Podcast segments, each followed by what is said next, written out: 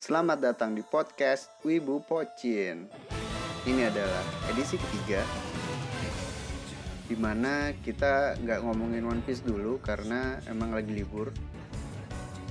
Jadinya kita bakal ngomongin Shingeki no Kyojin yang emang terbitnya tuh dia kan bulanan. Dan ini pas banget karena lagi awal-awal bulan. Terbitnya kan dia biasanya memang minggu pertama atau minggu kedua di website website uh, favorit kalian lah untuk scannya. Jadi edisi ini bakal aku ngomongin Shingeki no Kyojin chapter 110 ini seru banget.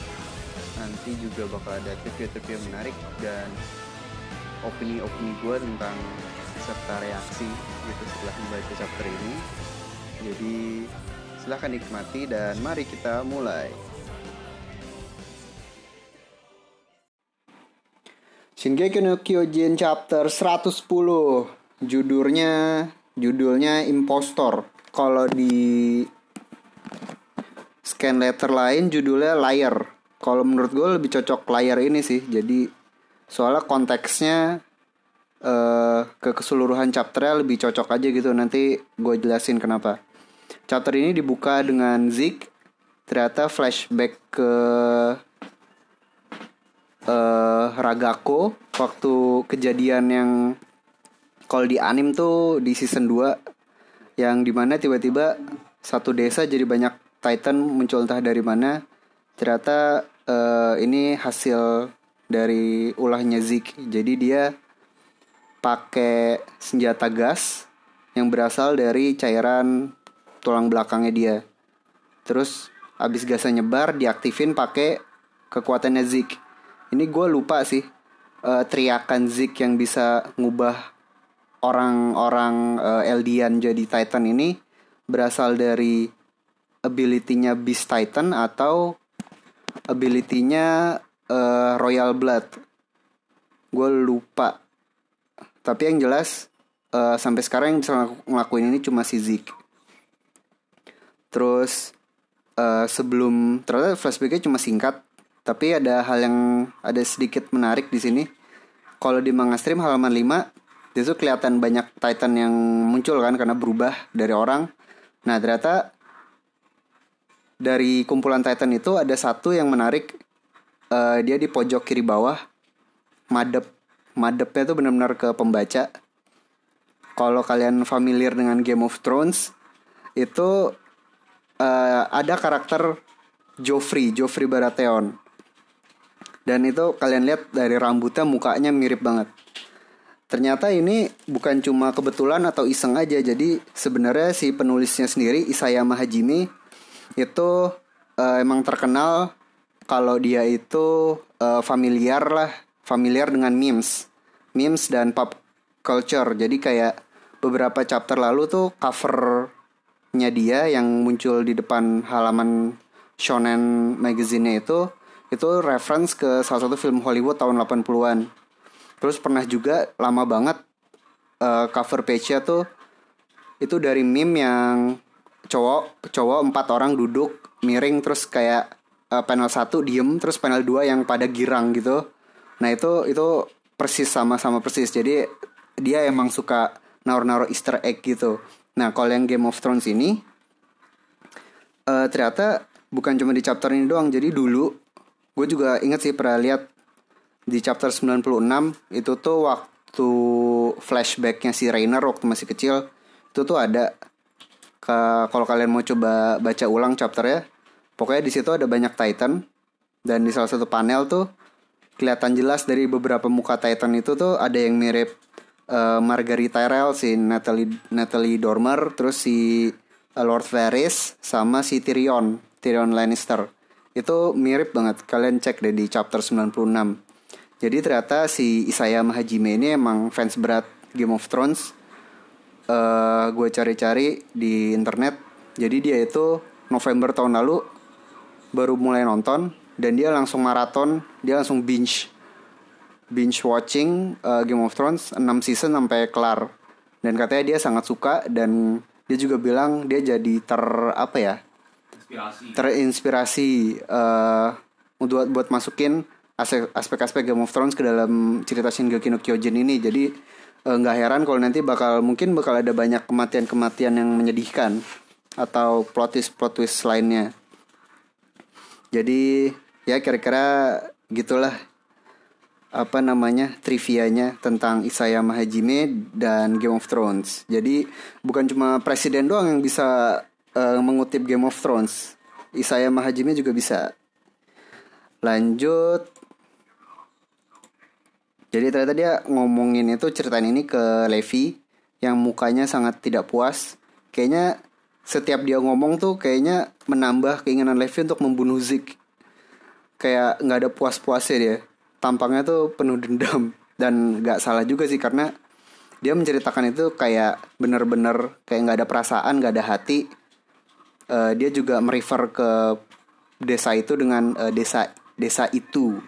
Terus Levi kan kayak uh, itu ada namanya ya namanya Ragako please. Kayak lu udah bunuh banyak orang di situ uh, please apa ya ada perasaan dikit lah.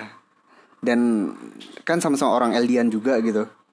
Tapi bisa-bisa dia ngelakuin kayak gitu uh, dan cara ngomongnya lebih nyebelin lagi nah hal yang menarik di sini sih sebenarnya cuma Zik uh, tetap konsisten dari sejak dia muncul uh, di Marleyan benar-benar misterius. Kita nggak tahu yang dia omongin itu bener atau enggak yang dia omongin itu uh, maksudnya apa? Bener-bener muter-muter. Kita sampai sekarang masih nggak tahu tujuan dia sebenarnya apa dan uh, chapter ini pun nggak begitu membantu gitu. Si Zik nih sebenarnya ngapain? Walaupun pada akhirnya ada satu hal yang Levi juga akhirnya ada hal yang setuju lah sama Zik bahwa mereka nggak bisa lama-lama diem kayak gini. Karena ya penyerangan Eren ke Marleyan itu uh, bentar gara-gara serangan itu dalam waktu yang gak lama pasti negara-negara lain bakal meluncurkan serangan ke Paradis. Dan ini adalah salah satu alasan kenapa gue lebih suka kalau judul chapternya layar. Jadi di scene ini kita melihat Zik uh, mengutarakan ceritanya tentang Ragako dan hal-hal lain. Uh, jadi kalau menurut gue chapter ini itu temanya layar ini pembohong ini. Jadi di scene yang pertama kita lihat pembohong yang pertama itu Zik. Jadi si pembaca diminta melihat uh, si Zik ini omongannya bener atau enggak. Terus ganti ke scene berikutnya, di situ ada Yelena sama Commander Pixis. Ini adalah si layar yang kedua yang perlu kita lihat uh, omongannya ini bener apa enggak. Jadi si Yelena ngaku sama Pixis kalau dia ternyata emang ketemu Eren, terus uh, dia kayak minta maaf juga, tapi dia sama sekali nggak mengakui kalau dia meminta Eren untuk menyerang Marleyan, dia meminta Eren untuk uh, kabur atau sejenisnya. Jadi kayak dia cuma yang uh, eh, gue ada harapan buat dia melakukan itu tapi gue sama sekali nggak nyuruh dia. Jadi kayak apa ya pasif pasif gitu lah. Pokoknya biar dia nggak nggak uh, di help accountable gitu loh biar dia nggak disuruh bertanggung jawab. Jadi di sini masih ada misteri karena uh, setiap argumen atau setiap dugaan yang dilemparkan sama Pixis si Elena cuma oh gue nggak ngomong gitu kok. Jadi uh, sebenarnya semua yang diomongin nih menurut gue bullshit karena kayaknya ya bohong aja gitu gak ada isinya. Dan padahal sampai di arc ini ini adalah menurut gue inilah kunci dari segalanya. Begitu kita tahu apa yang dibicarakan Eren sama Yelena uh, ya semua misteri di arc ini bisa terpecahkan gitu. Dan mungkin karena itu sengaja ditahan-tahan sampai ujung kali. Tapi yang jelas gara eh, gara-gara itu tensionnya jadi tinggi banget. Dan menurut gue efektif sih di chapter ini. Uh, Yelena kayak dia kayak memposisikan dia kayak sebagai apa ya fanboy dari Eren. Terus Pixies cuma uh, ya yeah, sure. Terus dia pokoknya he doesn't doesn't believe any of her shit. Dan dan pada akhirnya ya si Pixies dia tetap terpoin yaitu dia mau tahu apa isi dari percakapan Eren dan Yelena. Because that's the key dan ya nggak tahu sih apakah akhirnya Yelena bakal ngaku atau bohong apa bakal ngebacot atau malah keburu kabur entahlah. Soalnya abis itu udah pindah lagi ke scene berikutnya ada Hanji sama Onyan Kopon uh, ada yang bilang Onyan Kopon ini confessionnya atau pernyataan-pernyataan yang dia katakan tuh nggak sepenuhnya benar. Khususnya karena sebelumnya Pixis bilang kalau mau walaupun bilangnya kayak Elena ya dan di sini yang berbeda kalau mau bohong uh, kasih kebenaran sedikit campur-campur selipin-selipin dikit gitu. Dan mungkin ini adalah yang terjadi di scene ini jadi si Onyan Kopon kaget kalau begitu dia dengar kalau Yelena uh, ketemu sama Eren dia kayak nggak percaya gitu loh uh, dan Hanji juga benar-benar nanyain serius tentang itu karena ini ini sekali lagi Yelena itu kunci yang penting dari misteri di arc ini. Terus oke okay sih Onyan Koban gak percaya, terus akhirnya dia cerita tentang Yelena tuh kayak gimana orangnya. Oke, jadi yang menarik di sini adalah dia itu orang yang ngumpulin volunteer-volunteer di Marleyan untuk bergabung bersama dia uh, buat bergabung di bawah Zik gitu. Jadi dia yang mulai dia yang ngumpulin dan hal yang gila adalah dia itu sangat-sangat apa ya dia kejam pokoknya dia menurut Onyan Kopon semua yang dia lakukan itu demi Zik jadi dia nggak ragu untuk membunuh orang-orang yang mencurigai dia walaupun itu teman-teman mereka di militer Marleyan. Jadi dia bilang itu semuanya buat menyatukan dan menyingkirkan semua kecurigaan.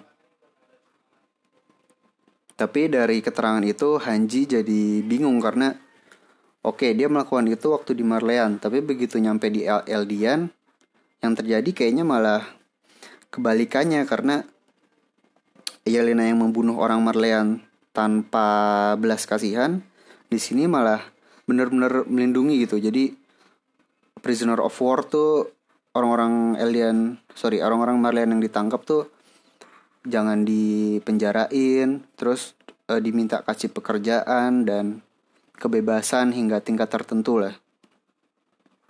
Dan emang itu yang terjadi sih. Jadi kalau kita lihat kayak si Nicolo itu salah satu orang Marleyan yang dia suka awalnya kan dia suka masak terus sekarang akhirnya jadi chef.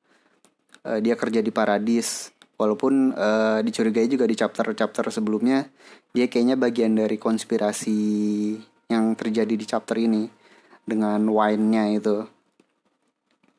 Uh, pokoknya walaupun si Onyang Kopen udah kayak berusaha meyakinkan tapi Hanji masih merasa ada yang aneh karena benar-benar uh, 180 derajat apa yang dia lakukan di Marleyan dan apa yang dia lakukan di sini di Paradis. Terus pada akhirnya dia ngajak Onyan Kopon buat keluar dari tempat dia apa namanya penahanan rumah house arrest itu apa ya bahasa Indonesia-nya ya gitulah house arrest nya uh, karena ada Hanji jadi bisa ada jaminan untuk keluar dari rumahnya lah kayak gitu. Terus berikutnya kita ngelihat Armin yang lagi di tempat di mana kristal Ani disimpan. Uh, kayaknya teori-teori yang muncul belakangan ini ya belum dikonfirmasi sih tapi kayaknya makin jelas kalau kan setiap uh, warisan kekuatan Titan itu bukan cuma power yang di inherit jadi memori uh, emosi dan hal-hal lain yang ada di dalam orang itu juga ikut pindah gitu. Nah, di sini kelihatan kalau Armin tuh benar-benar jadi sangat tertarik dengan Ani. Jadi dia tungguin mulu di depan kristal, dia diajak ngomong lah, diapain. Dan di chapter ini dia mau menyentuh kristal ya. Sayangnya dihentikan oleh uh, Hitch, anak korps militer yang dia ada juga di season 2 waktu Arc Uprising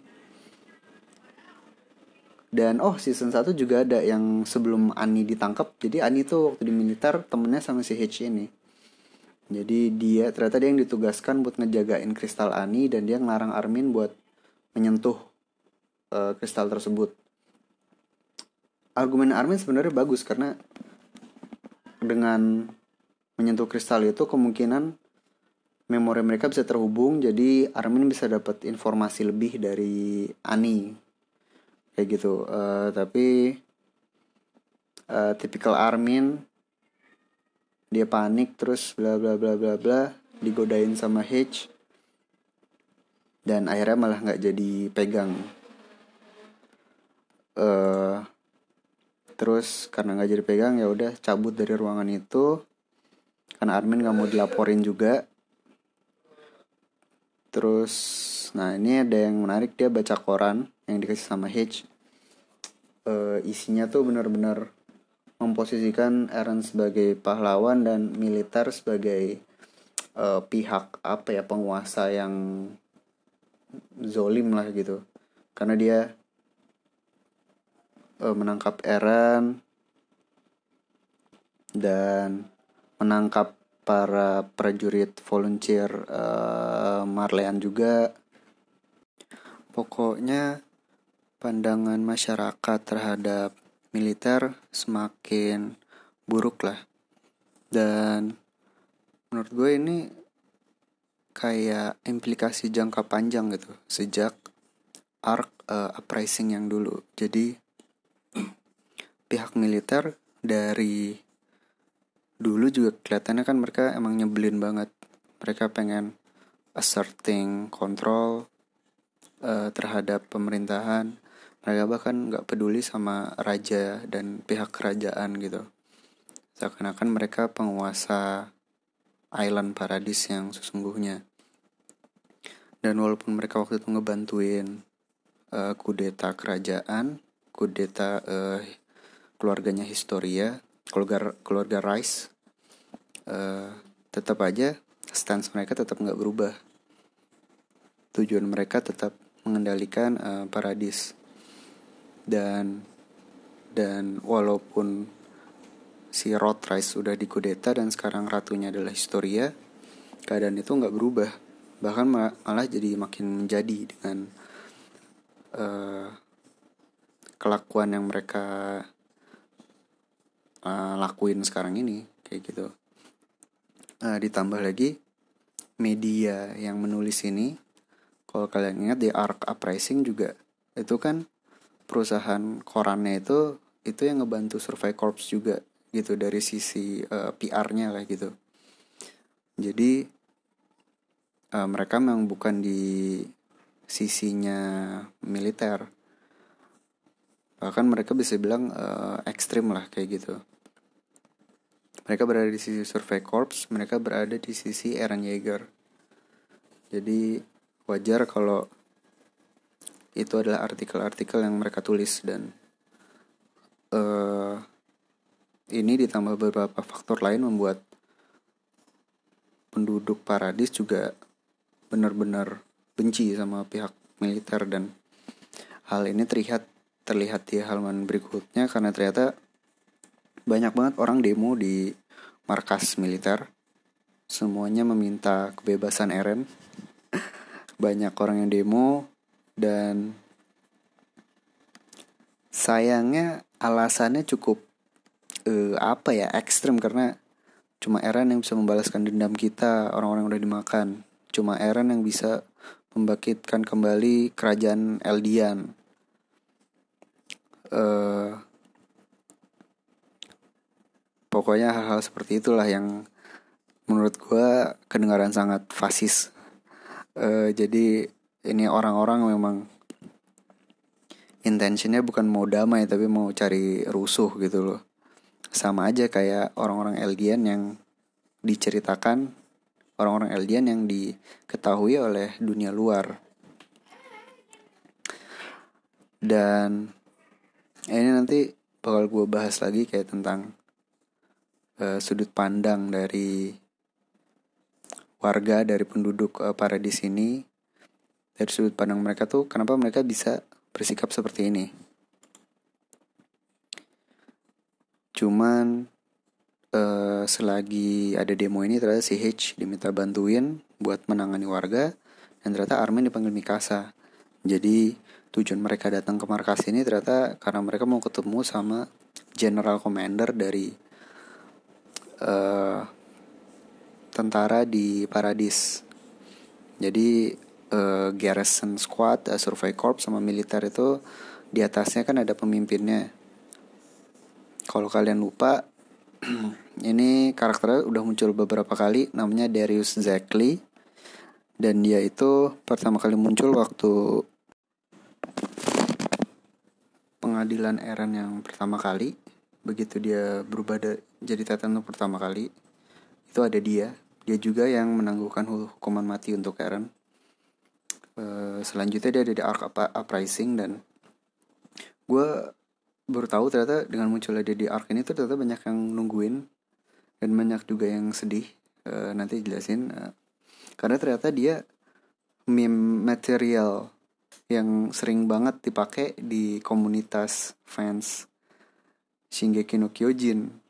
Jadi di Arc Uprising dia pernah perlihatkan uh, menyiksa salah satu official kerajaan dengan alat yang dia sebut sebagai uh, bentuk karya seni terindah.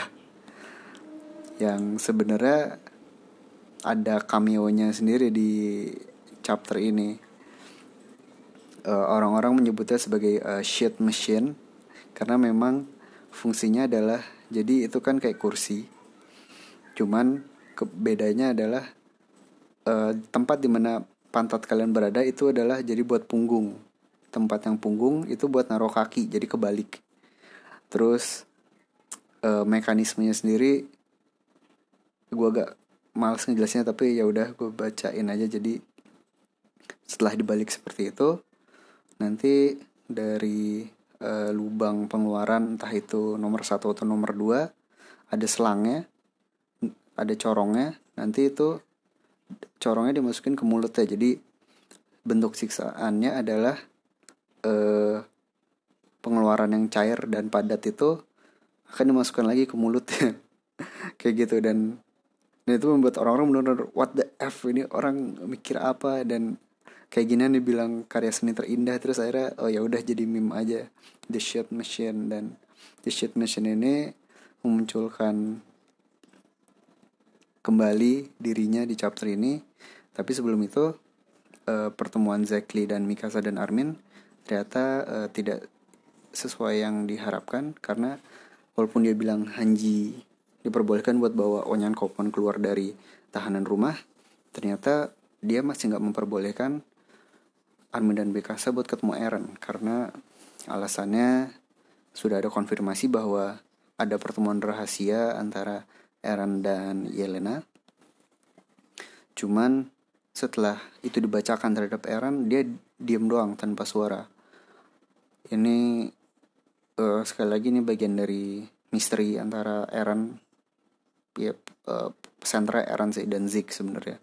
Apa yang terjadi dan bukan cuma itu selama dia ditahan pun ternyata dia masih pihak militer masih nggak punya info apa pun tentang apa yang dilakukan selama dia uh, menyusup ke dalam negara Marley. Jadi atas dasar ini mereka nggak uh, Zekli nggak memperbolehkan Armin dan Mikasa buat ketemu Eren, apalagi buat melakukan eksperimen dengan Zik. Uh, alasannya kayak Eren dimanfaatkan atau oleh Zik atau gimana. Uh, dan terus Armin nanya terus uh, Eren di, bakal diapain dong terus Zekli melihat dia dia uh, menatap ke pojok ternyata and there it is uh, the shit machine. Uh, gue sih perlu lihat chapter lagi sih sebenarnya buat lihat uh, kemegahan dari alat ini karena gue lupa. Uh, tapi ini jadi salah satu komedinya Isayama Hajime chapter ini yang menurut gue ini salah satu keunikan dia. Jadi situasi yang mau apa pun dia bisa nyelipin satu dua jokes yang sebenarnya lucu tapi benar-benar out of place. Tapi gue suka sih ini khasnya dia memang dia bilang bahwa kursi ini dibawa sama anak-anak baru. Uh, dan dia juga mengusir Mikasa dan Armin karena uh, keputusannya udah gak bisa diganggu gugat. Walaupun Armin bilang ya apa salahnya? Uh, tolonglah pertemukan kami kayak gitu. Uh, nggak nggak kenapa-napa dong cuman Zekli kayak sok-sok kita mesti berhati-hati bla bla bla bla bla dar diusir. Uh, dan ini menurut gue adalah layer yang le, layer uh, layer layer yang ketiga setelah Zik uh, Yelena dan Onyan Kopon oh berarti keempat. Uh, setelah itu Mikasa bingung kenapa kayak gini keadaannya. Tapi menurut Armin ini semua terjadi karena pihak militer udah udahlah rela, relain aja bodo amat sama Eren. Daripada ribet kayak gini orangnya mendingan kita cari anak militer yang baru buat di pindahin kekuatan founder Titan dan attack Titannya. Jadi mereka bisa mengontrol dengan lebih leluasa seperti yang gue bilang tadi uh, inilah tujuan dari korps militer dan dugaan ini kemungkinan benar dan uh, Mikasa jadi mau tahu apa yang terjadi. Cuman sebelum itu terjadi ternyata something unexpected happen. Gue nggak sebenarnya gue nggak nyangka chapter ini bakal tiba-tiba escalate jadi seseru ini. Gue kira bakal relatif santai. Tapi ternyata di tengah-tengah terjadi sesuatu yang luar biasa ada ledakan bom di ruangan Zekli berada tepat setelah beberapa anggota militer masuk. Ledakan itu juga terdengar dan terlihat jelas oleh orang-orang yang demo. E, dan lebih gilanya lagi jasad dari Zekli terlempar keluar dari ruangan sampai ke tanah ke lapangan di depan uh, gedungnya dan pas di depan pagar tempat warga-warga yang lagi demo itu. Di situ jasad Zekli terlihat jelas cuma tinggal badannya doang. And gue nggak gue bener kayak gila. Cuma dalam keadaan beberapa halaman doang tiba-tiba ada ledakan kayak gini. It's crazy. Dan yang lebih gila adalah reaksi warga atas apa yang baru saja mereka saksikan jadi bukan reaksi oke okay, kalau misalkan kita lihat manga atau anime standar gitu saat kejadian seperti ini ya minimal biasanya ada satu cewek yang teriak kia atau apa gitu. Terus tiba-tiba uh, sebuah keramaian pokoknya histeris histeris gitulah. Tapi bukan itu yang terjadi tapi malah hal yang bener-bener gila. Sebenci inikah uh, para warga sama militer karena bukannya kaget atau apa mereka malah wah doa kita terjawab uh, kalau kayak gini ini baru nih bagus. Kalau kayak gini Eldian kerjaan Eldian bisa bangkit. Dan mereka tiba-tiba teriak dedicate your hearts uh, offer your hearts. Kalau kalian tahu uh, uh, dedicate uh, offer or devote itu dalam bahasa Jepang adalah sasageo. Ya kalian benar. Sasageo adalah uh, opening dari season 2 Shinzo wa Sasageo dan ini uh, based on war cry-nya Erwin di season 2 sebelum dia kehilangan tangannya di mana dengan uh, war cry-nya dia motivasinya dia para survey corps uh, berani mengorbankan dirinya buat menyelamatkan Eren di di arc itu gitu. Dan ironisnya warga-warga ini meneriakan Sasageo tapi bukan un, bukan untuk uh, maksud yang sesungguhnya gitu.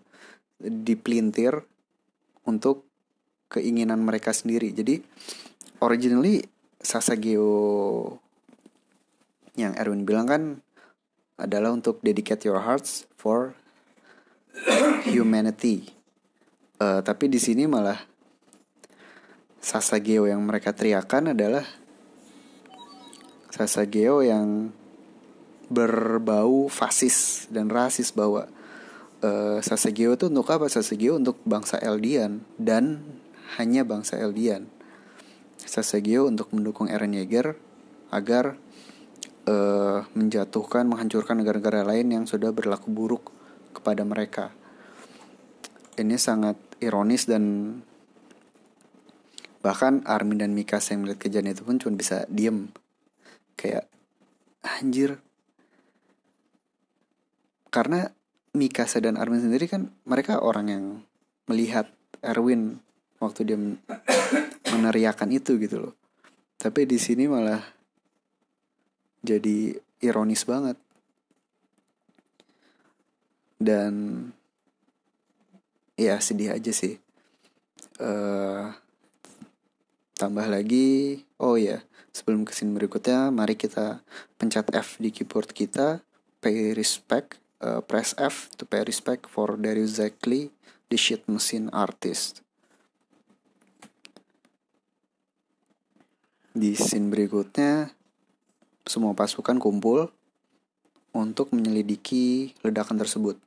Ternyata benar ledakannya berasal dari kursi kursi uh, custom made chair kalau di laporannya yang meninggal adalah Zekli beserta empat uh, prajurit militer.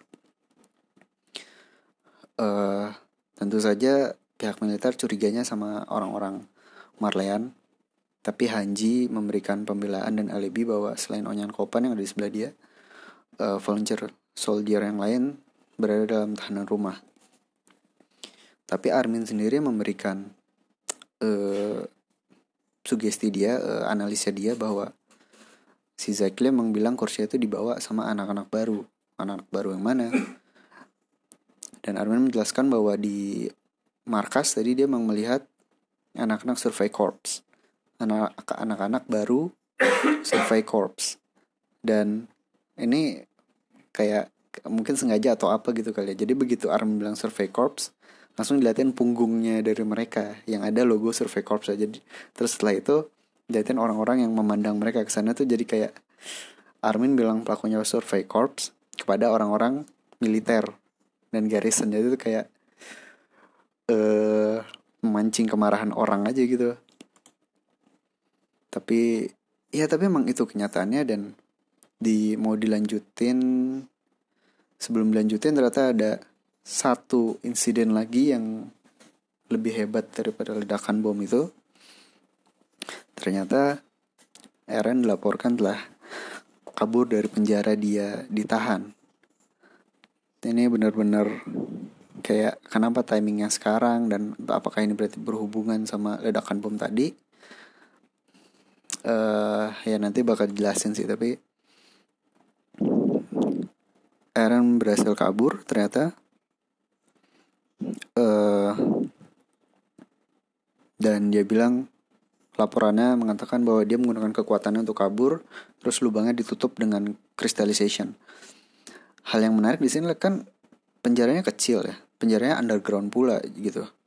Jadi pertanyaannya adalah gimana cara Eren menggunakan kekuatannya uh, untuk keperluan ini gitu.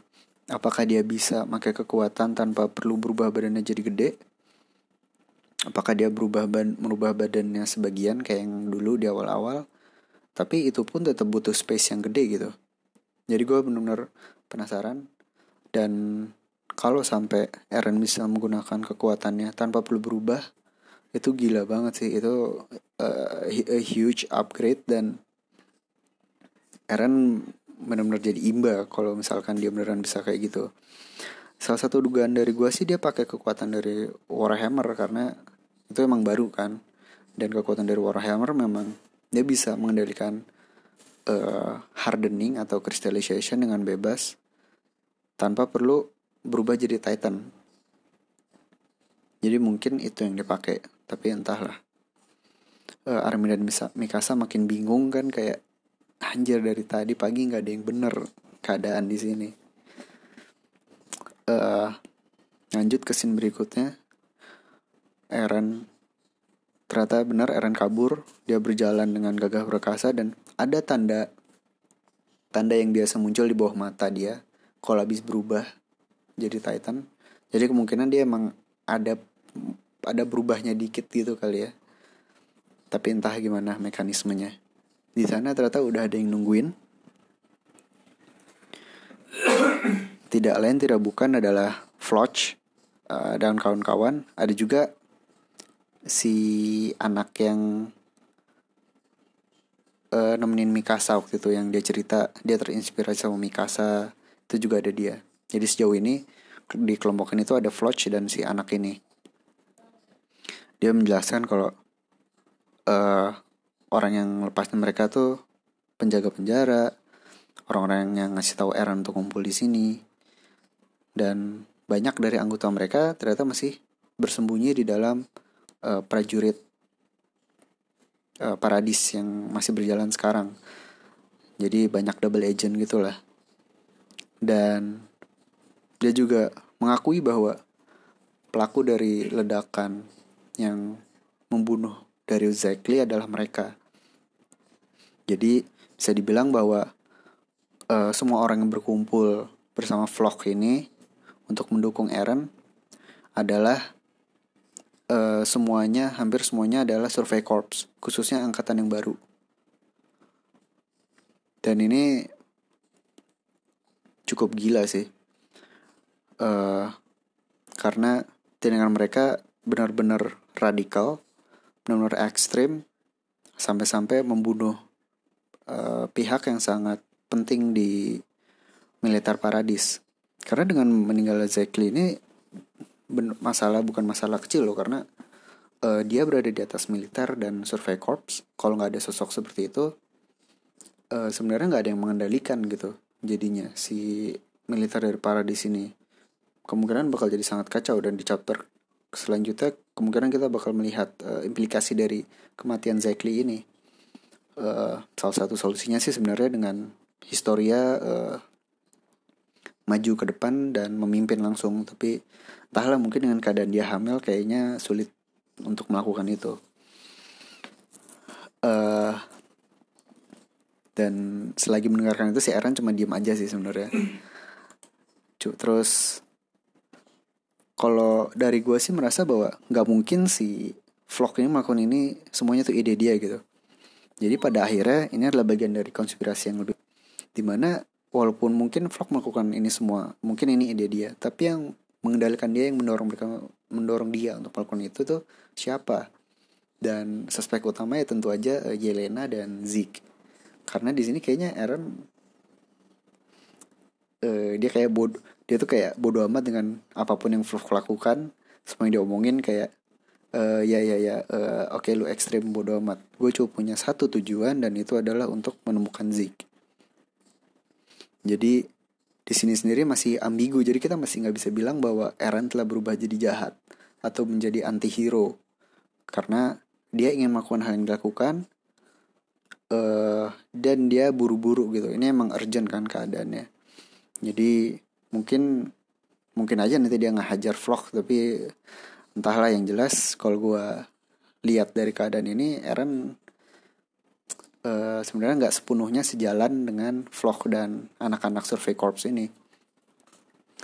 Terus sebelum pindah scene jadi ada beberapa orang yang membuat teori baru. Dia dia kan dikasih hoodie gitu ya. Nah hoodie ini ada yang bilang itu adalah hoodie yang sama yang muncul waktu flashback Historia tentang kisah uh, gimana dia hamil gitu dengan si uh, petani Kun ini, farmer Kun ini, sosok misterius yang pernah muncul ini. Jadi ada yang bilang bahwa sosok yang ada di situ adalah Eren yang berarti Eren lah yang mensugestikan uh, Historia untuk hamil, untuk menunda uh, warisan Titannya si Historia ini ke orang lain dan malah ada yang lebih gila lagi berspekulasi bahwa uh, ayah dari anak yang dikandung Historia sekarang ini ya ini adalah pelakunya si Eren. Tapi entahlah kayak orang-orang masih uh, Evo ini udah implied nih hoodie sama banget cuman ya entahlah gue gue sih kalau teori yang setengah-setengah gini kurang-kurang ngena gitu loh. Ini tuh kayak kalau lu lagi baca One Piece baca teori-teori One Piece terus dasarnya tuh dari cover page ya dari cover page yang berwarna itu kayak Luffy megang kartu uh, terus ada kartu Ace terus dia kalah. Wah ini berarti Ace bakal mati. Terus kayak yang uh, calm down a bit guys. Kayak teori-teori yang kayak gini tuh gue benci banget karena bagi gue sendiri Oda nggak mungkin memberikan foreshadowing di luar konten yang ada di dalam chapter gitu. Jadi kayak pay attention dalam apa yang diceritakan aja jangan lihat yang aneh-aneh dan bikin teori seenak jidat. Kayak gitu. Uh, anyway tujuan Eren udah jelas menemukan Zik. Terus di besok paginya Armin, Hanji, Mikasa dan Onyan Kopon naik kereta kuda mereka mau nggak tahu sih sebenarnya mau ke mana mestinya sih mereka nyari Eren tapi bisa jadi mereka mau nyari Yelena buat nyari info yang lebih jelas atau ke tempat lain yang disuggest sama Hanji. I mean she's the brain of the bunch sejak awal gitu kan. Dia juga komander dari Survey Corps gitu. Nah selagi dia pergi ternyata di halaman terakhir masalah belum selesai karena ada seenak aja Isaya Mahajime lempar satu hal masalah lagi. Ya. ternyata ada piek si Car Titan uh, di halaman terakhir. Nah ini nih. Kalau menurut gua agak tidak perlu sih. Karena problem yang ada sekarang udah cukup banyak. Dan dengan nambah piek ini benar-benar jadi super kompleks. Karena ya seperti yang tertulis di panel terakhir itu uh, ada masalah dari dalam dan sekarang ada masalah baru dari luar yaitu dari tentara Marleyan. Dan yang agak membuat gue kurang enak adalah karena ini jadi kayak main balas-balasan gitu. Jadi dari yang pertama Marleyan menyerang Paradis terus Eren tiba-tiba penyusup ke Marleyan melakukan penyerangan. Terus sekarang balik lagi Marleyan melakukan penyerangan ke Paradis sekali lagi. Jadi agak ya lucu aja ya kayak jadi arknya kalau disederhanakan jadi cuma itu doang. Bolak-balik serang-serangan dan menyusup-nyusup gitu. Tapi ya kalau dieksekusi dengan baik bisa bisa top sih ini. Arc ini bisa jadi arc yang luar biasa. Bisa menyaingi ya arc yang sebelumnya. Uh, tapi kalau mau dibahas oh jadi uh, uh, chapternya udah sampai situ. Dan sekarang ada beberapa hal yang menurut gue cukup penting dan menarik untuk dibahas. Pertama ya dari yang barusan diomongin aja tentang pick jadi uh, apakah ini seluruh pasukan atau ada berapa banyak kah uh, tentara Marleyan yang ikut dalam operasi ini apakah cuma Piek doang? Terus uh, gimana dengan si Porco si Joe Titan? Gimana dengan Commander Magarth? Terus gimana juga dengan si kakaknya Falco? Gue lupa namanya. Anyway uh, kemungkinan kita ngeliat Piek di sini karena mobilitas dari kart Titan itu sendiri yang paling tinggi. Jadi dengan mudah bisa nyusup dari pantai uh, ke dalam hutan sampai ke dalam wall, sampai ke dalam dinding. Sedangkan kalau misalkan si Porco jauh Titan mungkin kurang cocok untuk misi seperti ini. Rainer sendiri mukanya udah dikenalin sama banyak orang gitu. Walaupun yang minimal sama uh, tentaranya Paradis aja tapi itu udah lebih dari resiko yang cukup buat membahayakan operasi ini. Jadi uh, pilihan yang cukup tepat sih kalau ngambil Piek. Dan kalau kita ingat juga Piek itu uh, salah satu warrior dari Marleyan yang intelijensinya paling tinggi. Waktu di flashback pernah diceritain tentang itu tentang kelebihannya Piek dan waktu penyerangan Eren ke Marleyan juga dia juga yang menyadari kalau uh, ada apa waktu Porco dijebak.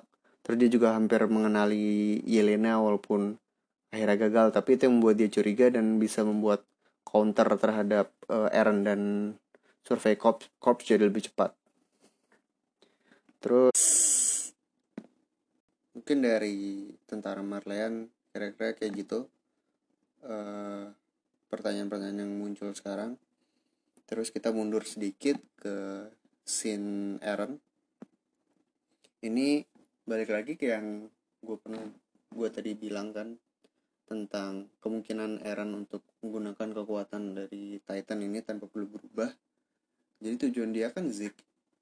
Sedangkan kita tahu Zik sedang dikawal oleh beberapa survei corps dan salah satunya adalah Levi ini kalau menurut gue uh, build up untuk sebuah hype dari Aaron versus Levi. Karena ya yang jelas Aaron yang semua orang tahu sedang ditahan dalam penjara.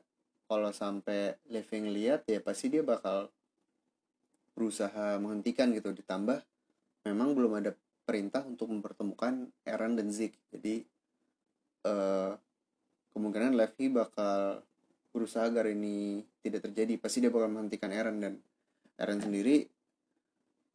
Di sini mungkin kita bakal melihat intention dari Eren itu sendiri yang waktu flashback dia bilang kan aku ingin melindungi teman-temanku tidak ada yang aku pengen berubah jadi Titan gitu loh. E, pokoknya masalah ini harus segera segera selesai secepatnya.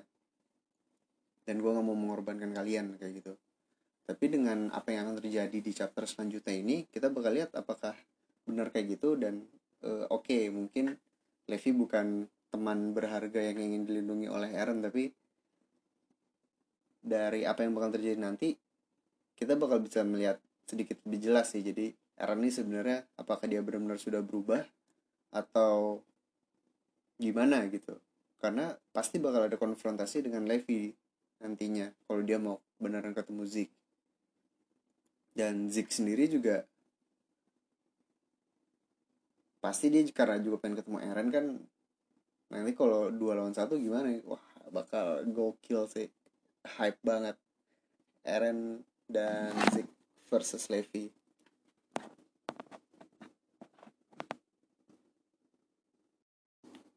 terus mundur sedikit lagi itu tentang vlog dan anak-anak survei corps baru mungkin gue bakal menyebut mereka sebagai uh, apa yang menarik ya? Gerakan separatis Eren. Gerakan separatis Eren disingkat geser. Karena kayak otaknya udah pada geser semua. Uh, oke okay, mereka adalah geser. Uh, slogannya sasageo sasageo jadi geser ini uh, kita coba melihat dari sudut pandangnya mereka. Jadi mereka adalah mereka seperti Eren uh, dan Mikasa dan Armin pada waktu kecil gitu loh. Mereka melihat tragedi penyerangan di dinding oleh Rainer dan Berthold juga oleh Titan-Titan liar yang lain. Terus mereka menjadi uh, menjadi punya motivasi gitu loh untuk balas dendam terhadap Titan dan akhirnya mereka jadi prajurit seperti sekarang dan kira-kira itulah sebenarnya yang dialami juga oleh vlog dan kawan-kawan. Kayak yang anak yang cerita sama Mikasa kayak namanya Luis kalau nggak salah. Uh, dia dia itu yang menyaksikan Mikasa waktu membunuh Titan yang mau ngejar orang-orang yang mau masuk ke dalam wall yang lebih dalam cuman karena ada ada orang penjual yang nyebelin gitu lah ya keretanya nggak nggak muat ke dalam pintu padahal orang-orang mau masuk. Di situ ada dia dan dia jadi terinspirasi gitu jadi atau mungkin malah terobsesi sama Mikasa. Ya jadi yang jadi seperti dia gitu. Uh, dan sebenarnya nggak salah gitu. Dalam artian mereka menjadi sangat menjunjung tinggi sangat mengidolakan mendewakan bahkan si Eren ini. Uh, ditambah lagi mereka hidup bukan cuma di era Titan adalah sesuatu yang tidak diketahui mereka juga ikut mengetahui kebenarannya kan tentang dunia luar tentang konspirasi di dalam dinding. Dan itu membuat mereka menjadi lebih apa ya mungkin kalau orang tuh kalau mereka nggak mengalami bakal jadi lebih terpengaruh mungkin. Atau yang lebih jelas uh, mereka terpengaruh tidak uh, beda terpengaruhnya dengan yang mengalami langsung. Dalam hal ini uh, Eren dan Survey Corps yang lain. Jadi mereka punya persepsi yang berbeda dan ditambah dengan pengaruh media itu tuh benar-benar membuat sentimen terhadap militer dan kerajaan jadi sangat buruk e, ditambah juga sentimen terhadap dunia luar tentunya. Karena memang diceritain juga tentang masa lalu Eldian dan Marleyan dan segala macam itulah. Jadinya mungkin itu salah satu penyebab kenapa mereka menjadi sangat ekstrim. Dan ini juga bisa terlihat dari para penduduk daripada warga Paradis yang kita lihat di scene sebelumnya yang malah merayakan kematian dari Zekli ini dengan another Sasageo Sasageo. Uh, ini juga kita coba melihat sudut pandang dari mereka. Ini gue oke okay, gue membahas sudut pandang karakter sampingan dari cerita fiksi. Ya yeah, oke okay. I know it sounds stupid but menurut gue ini bisa direfleksikan ke dunia nyata gitu loh. Jadi menurut gue bisa jadi apa ya bahan pertimbangan atau bahan pelajaran lah gitu buat kita semua. Ya pada pengen baca aja uh, tapi intinya kalau dari sudut pandang warga paradis coba kita lihat dari pertama kemunculan Eren sebagai tiba-tiba ada Titan yang berpihak sama manusia. Uh, padahal keada keadaannya adalah mereka benar-benar dalam ancaman Titan-Titan yang bakal menyerang itu terutama karena mereka baru aja mengalami uh, zina itu. Dan dengan adanya ini tuh benar-benar jadi sebuah harapan. Beda dengan pihak militer yang kayak mencurigai gitu loh ini kenapa bisa ada Titan? Apakah benar-benar dia di pihak kita? Kalau warga sipil kan ya mereka nggak bisa kekuatan apa-apa dong. Pasti pada akhirnya mereka bakal mencari sosok pahlawan sosok yang bisa mereka dukung gitu loh. Dan ini ada di sosok Eren tentunya. Ditambah lagi setelah kemunculan dia yang pertama misi dia yang pertama kan pertama uh, untuk menutup lubang dinding Golpa tapi bukan Shingansina uh, itu yang waktu penyerangan kedua pokoknya penyerangan kedua dari Bertolt uh, yang nyumpel bolongan pakai batu itu kan Eren sukses tuh. Dan tentunya itu membuat warga sipil jadi makin seneng dong wah ada pahlawan baru nih di di yang mendukung humanity gitu loh. Terus lanjut lagi uh, kisah heroik Eren yang selanjutnya adalah yang sangat penting kali ya. Setelah itu kan ada fight dengan Rainer terus ada lagi The Uprising Arc. Uprising Arc sih mungkin dia nggak begitu menjadi centerpiece menjadi headline dari kisah itu sih. Cuman Survey Corps lumayan jadi pamornya jadi naik gitu.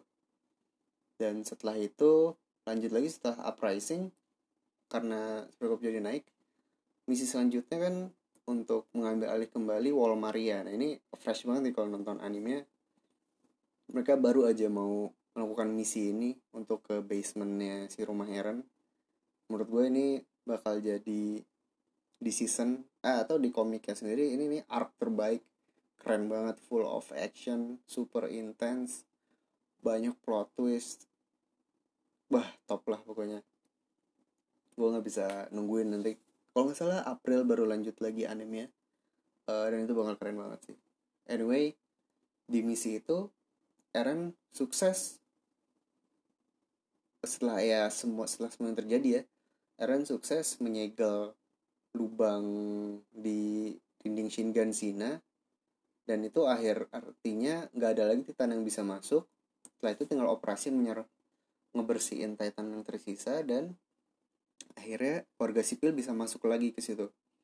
Nah sebenarnya kan begitu wall Shingan Sina ini ambruk kan orang jadi masuk ke dalam jadi makin padat dong yang ada di dinding yang uh, yang orang-orang pada mengungsi itu jadi kan ada banyak masalah kelaparan uh, kekurangan bahan makanan pekerjaan dan segala macam gitu loh. Dengan berhasilnya diambil alihnya uh, Shinganshi daerah Shinganshi nah ini ini tentu aja sangat sangat sangat membantu warga sipil gitu loh. Kehidupan mereka bisa kembali jadi lebih baik. Dan ini semua thanks to Aaron Yeager. Oke mungkin uh, untuk beberapa misi bukan semuanya uh, kontribusi Eren gitu. Tentunya Survey Corps berkontribusi banyak ke Erwin, Levi, dan Hanji dan semuanya kan. Pasti mereka banyak yang berkorban juga. Banyak Survey Corps yang gugur dalam misi. Tapi tetap aja dari sisi warga kan untuk menyerap informasi biasanya dari media. Dan namanya media pasti uh, untuk membuat segala sesuatu menjadi menarik pastinya ada headline makernya ada centerpiece-nya dan ini ada di sosok Aaron Yeager. Dan nggak salah juga sih toh memang uh, kuncinya sih kuncinya emang ada di si ini. Karena dia emang satu-satunya Titan uh, seenggaknya sampai di arc itu ya satu-satunya Titan yang berjuang untuk warga paradis di dalam dinding gitu kan jadi nggak heran kalau semua orang sangat mendukung Aaron Jagger uh, mendewakan dia dan percaya bahwa dia adalah satu-satunya orang yang mampu menyelamatkan Eldian dan mampu membuat Eldian jadi bangkit lagi. Yang gue bingung sih kenapa pemikiran sampai jadi ekstrim gitu? Kenapa sampai jadi yang membalaskan dendam uh, bangsa Eldian lah apalah.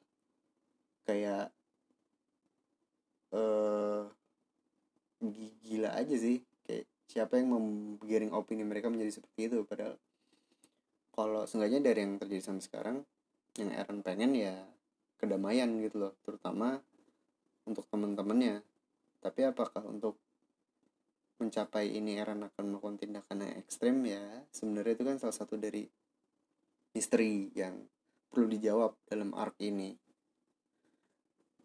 Mungkin itu aja kali ya eh, bahasan dari chapter 110 ini. Kayaknya udah cukup lengkap. Mungkin gue tutup dengan wishlist alias wishlist sekaligus uh, harapan untuk chapter berikutnya. Gue sih pengennya uh, Aaron dan Zik kalau bisa ketemu di chapter depan. Dan dengan secara tidak langsung juga gue mengharapkan konfrontasi antara Eren dan Levi. Karena ya seru aja gimana Eren versus Levi coy. Terus mungkin selanjutnya uh, confession dari Yelena. Mungkin kita bisa melihat flashback yang belum terlihat karena ini penceritaannya cukup menarik sih. Jadi sejak pindah ke sudut pandangnya Marleyan kan ke Gabi Falco dan lain-lain. Terus uh, pindah lagi ke bukan pindah sih uh, lanjut sampai ke penyusupannya Eren. Terus waktu balik ke Paradis itu tuh tau-tau mundur sampai ke bener-bener yang ada pertemuan dengan klan Azuma Baito itu terus tiba-tiba motong lagi ke present time. Terus udah motong lagi yang ke pembangunan rel. Terus tiba-tiba sekarang maju lagi. Dan itu tuh sebenarnya masih ada gap. Masih ada gap yang belum terjelaskan dan dan salah satunya ya pertemuan antara Eren dan Yelena ini. Yang mestinya jadi sekali lagi jadi kunci dari arc ini. Jadi mungkin kalau mau nyeritain itu di chapter selanjutnya ya boleh juga karena sama-sama penting. Terus mungkin uh, gue nggak begitu mengharapkan balik ke Gabi dan Falco sih tapi karena di chapter ini nggak ada ya naturally kayak bakal ada di chapter depan nih. Walaupun nggak tahu juga mau diapain. Paling mungkin sih karena tentara Marlian udah menyusup jadinya Gabi dan Falco kan tinggal uh, cari cara buat kembali ke mereka gitu kan buat pulang ke Marleyan. Siapa tuh nanti ketemu Piek atau yang lain atau mungkin ketemu Porco. Uh, ekstrimnya sih ketemu Zik tapi bakal chaos banget. Nyam begitunya mereka nyampe sana udah ada Aaron dan anak-anak geser itu.